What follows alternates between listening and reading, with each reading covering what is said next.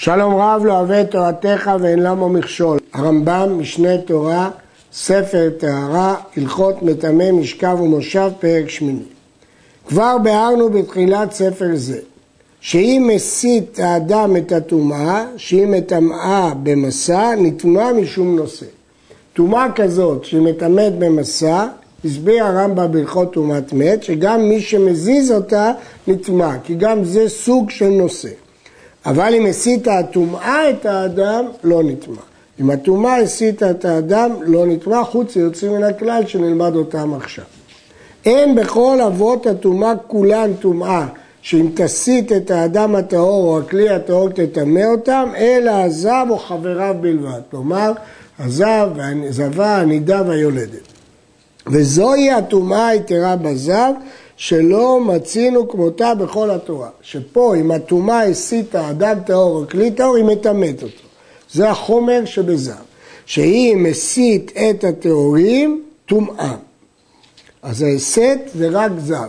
להבדיל ממדרס שיש גם במצורע, אבל הסת, דהיינו, אני מדגיש, לא שהאדם מסית את הטומאה, זה יש שהיא מטמאת במסע, אלא שהטמא הסית את הטהור, זה רק בזב טמא. כיצד?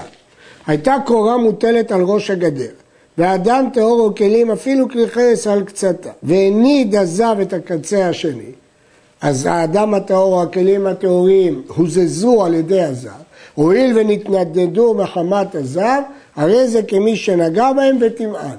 ונעשו ראשון לטומאה דין תורה. מהתורה הם טמאים, אבל רק ראשון לטומאה. ואין צריך לומר שאם נשא הזר את האדם או הכלים טמאן, זה פשוט כי זה בטומאות אחרות גם כן. ואחד זב או זבה ונידה ויולדת בכל אלו הדברים. אז אם כן, תוסעת הסת היא דווקא בהזזה. למדו את זה מריבוי, וכל אשר ייגע בו הזב. אחרי שכבר כתוב הנוגע בבשר הזב, אז למדו מפה גם הסת. הנה למדת, שהאדם הטהור שהסית את הזב נטמע משום נושא זב, והזב שהסית את הטהור בין אדם, בין כלים, אפילו כלי טמען, מפני שנידת, הכוונה הזזת, הזב לאחרים, כאילו נגע בהם. חומר בהסת הזב ממגעו. יותר חמור כשהזב הזיז משהו מאשר אם הוא נגע. שאם נגע בכלי חרס המוקף צמיד פתיל, טהור, ואם הסיתו, תימהו. כלי חרס לא מקבל טומאה מגבו אלא מתוכו. אז אם הוא נגע בגבו, הוא לא טמא, כי הוא מוקף צמיד פתיל. אבל אם הוא הזיז אותו, הוא טימא אותו.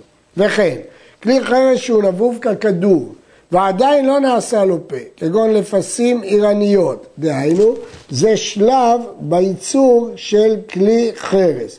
מחבטות כאלה שעשו אותם בכפרים, שהיו כמו כדור ועוד לא הפרידו אותם, רק שיגמור את המלאכה יפריד אותם. אם הסיתן עזב, תימען, אף על פי שהן טהורות באוהל המת, שהרי הם כחרס המוקף צמיד פתיל, שפתחו סתום. זה מין כדור עגול, שאחר כך חוצים אותו לשניים ונהיות שתי מחבטות. אבל בינתיים הוא סגור, אז בעצם באוהל המת הוא לא היה נטמע, אבל בהסת הוא נטמע. וכן מחט שהייתה בלועה בתוך העץ, וטבעת הבלועה בתוך הלבנה, והסית הזב את העץ ואת הלבנה. נטמעו הכלים הבלועים שבתוכם וכל כיוצא בזה. במגע אי אפשר לטמא אותם, כי הם בלועים, אבל בהסת אז הוא הסית את כל החפץ, אז מש... כאילו הוא נוגע בכולו, ולכן גם הבלועים נטמעים. זב שהכניס ידו או רגלו להעביר כלי חרס, הואיל ולא נגע בו מתוכו ולא הנידו, הרי זה טהור. שאין הנידה וכיוצא בה מטמאים לאיברים. ההלכה הזאת היא חידוש, והרייבד משיג על הרמב"ם ואומר, גם כשהכניס ידו או רגלו, הוא מטמא בתעביר של כלי חרס. ומה שכתוב שאין נידה מטמאת לאיברים, זה לעניין אחר. עוד ראשונים חלקו על הרמב"ם. ברור שההיגיון הוא של הרמב"ם, שטומאת אוויר כלי חרס אינה נגיעה באוויר, אלא כלי חרס נטמע בזמן שיש בתוכו טומאה, לא בגלל שנגרו באוויר. ממילא יש צורך שכל הטומאה תהיה בתוכו, וכיוון שרק חלק מהזב בתוכו, אין טומאה לאיברים, כי רק איבר אחד נמצא בתוכו. כך הסביר רב חיים הלוי. זב שהיה קנה אחוז בתוך קומתו, בתוך כפלי הבשר שלו, והסית בקצה הקנה אדם או כלים, הרי הם טהורים. שנאמר וכל אשר ייגע בו עזב וידיו לא שוטף במים. מפי השמועה למדו שהכתוב הזה מדבר בהסת הזב והוציאו בלשון נגיעה. למרות שמדברים על הסת. למה כתבו נגיעה? מה נגיעה בידיו והדומה לידיו משאר גופו הגלוי יצא נגיעה. אף הסתו עד שהסית בגלוי שבגופו. לא שיסית בבית הסתרים. כיוון שמה שהזיז את הקנה זה קומתו, המקום שהוא כפל הוא בית הסתרים, זה לא מטמא בהפסד, כמו שזה לא מטמא בנגיעה. היה הקנה בקומתו של טהור והסית בו את הזב, נטמע. זה דין אחר, זה מדין טהור שנושא את הזב, שהמסית את הטומאה כנושא אותה. וכשם שהנושא בבית הסתרים טמא, כמו שביארנו בתחילת ספר זה, טומאת מת פרק א', ככה מסית בבית הסתרים טמא. אז אם הזב הסית על ידי בית הסתרים שלו, זה טהור, כי זה לא דומה למגע. אבל אם הטהור נשא את הזב בבית הסתרים שלו, טמא. הזב מכף מאזניים, וכלי העשוי למשכב או למרכב כנגדו בכף שנייה. קרע הזב, הרי הם ככלים שנגע בהם, שהרי הסיתם, על ידי שהוא קרע, הוא הזיז אותם למעלה. קרעו הם, הרי אלו טמאים משום משכב ונשאו אף, שהרי נשאו הזב, כי הם עכשיו הזיזו את הזב, כאילו עמד עליהם. הרי אחד מהדרכים שהזב מטמא את המשכב היא נתלה, אז זה המקרה של נתלה.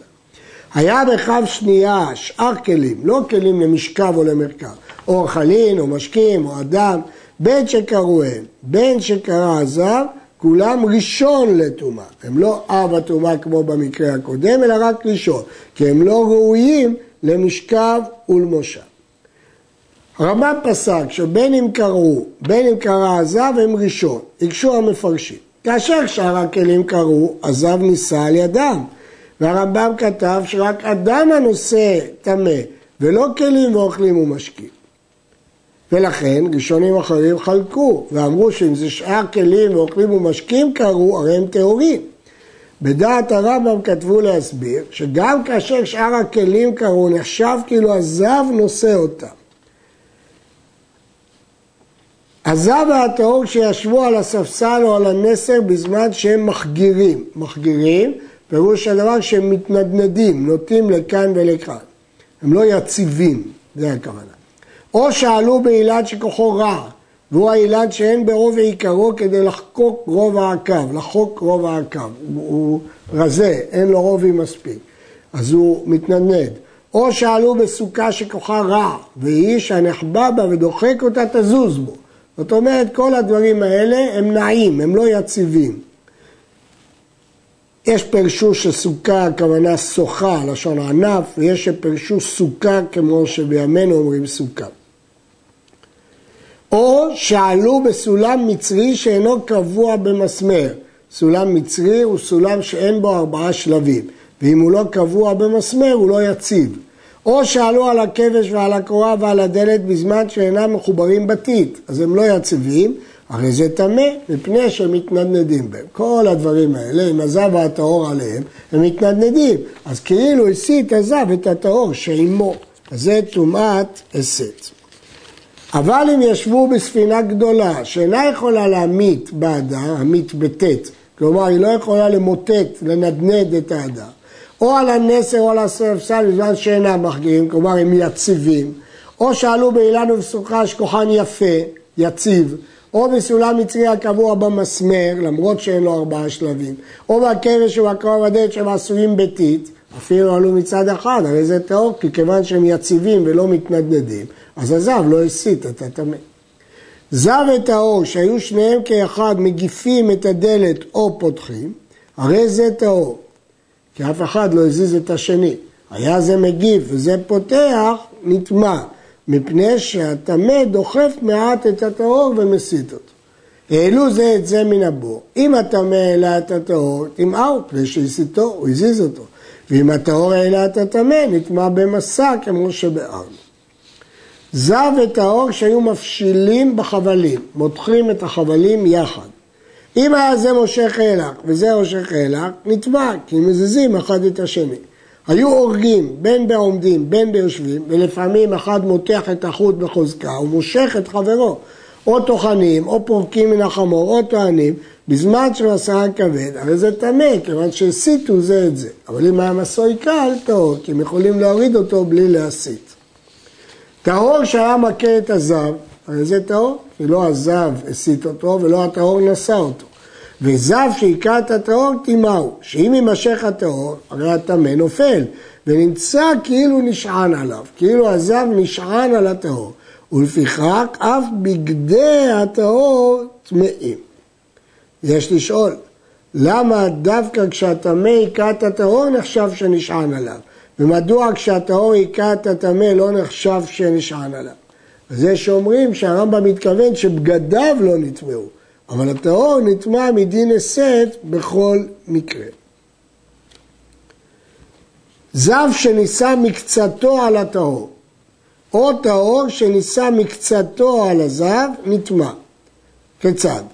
אצבעו של זב שהניחה למעלה מן הטהור, או טהור שהניח אצבעו למעלה מן הזף על פי שיש ביניהם אבן או קורה וכיוצא בהם, הרי זה טמא. שימו לב, ביחס לטומאת מסע אין צורך שינשא רובו, אלא די בנשיאת מיעוט. יש לשאול, מדוע לא נחשב כטומאה לאיברים, שהרמב"ם פסק שזב ונידה לא מטמאים איברים.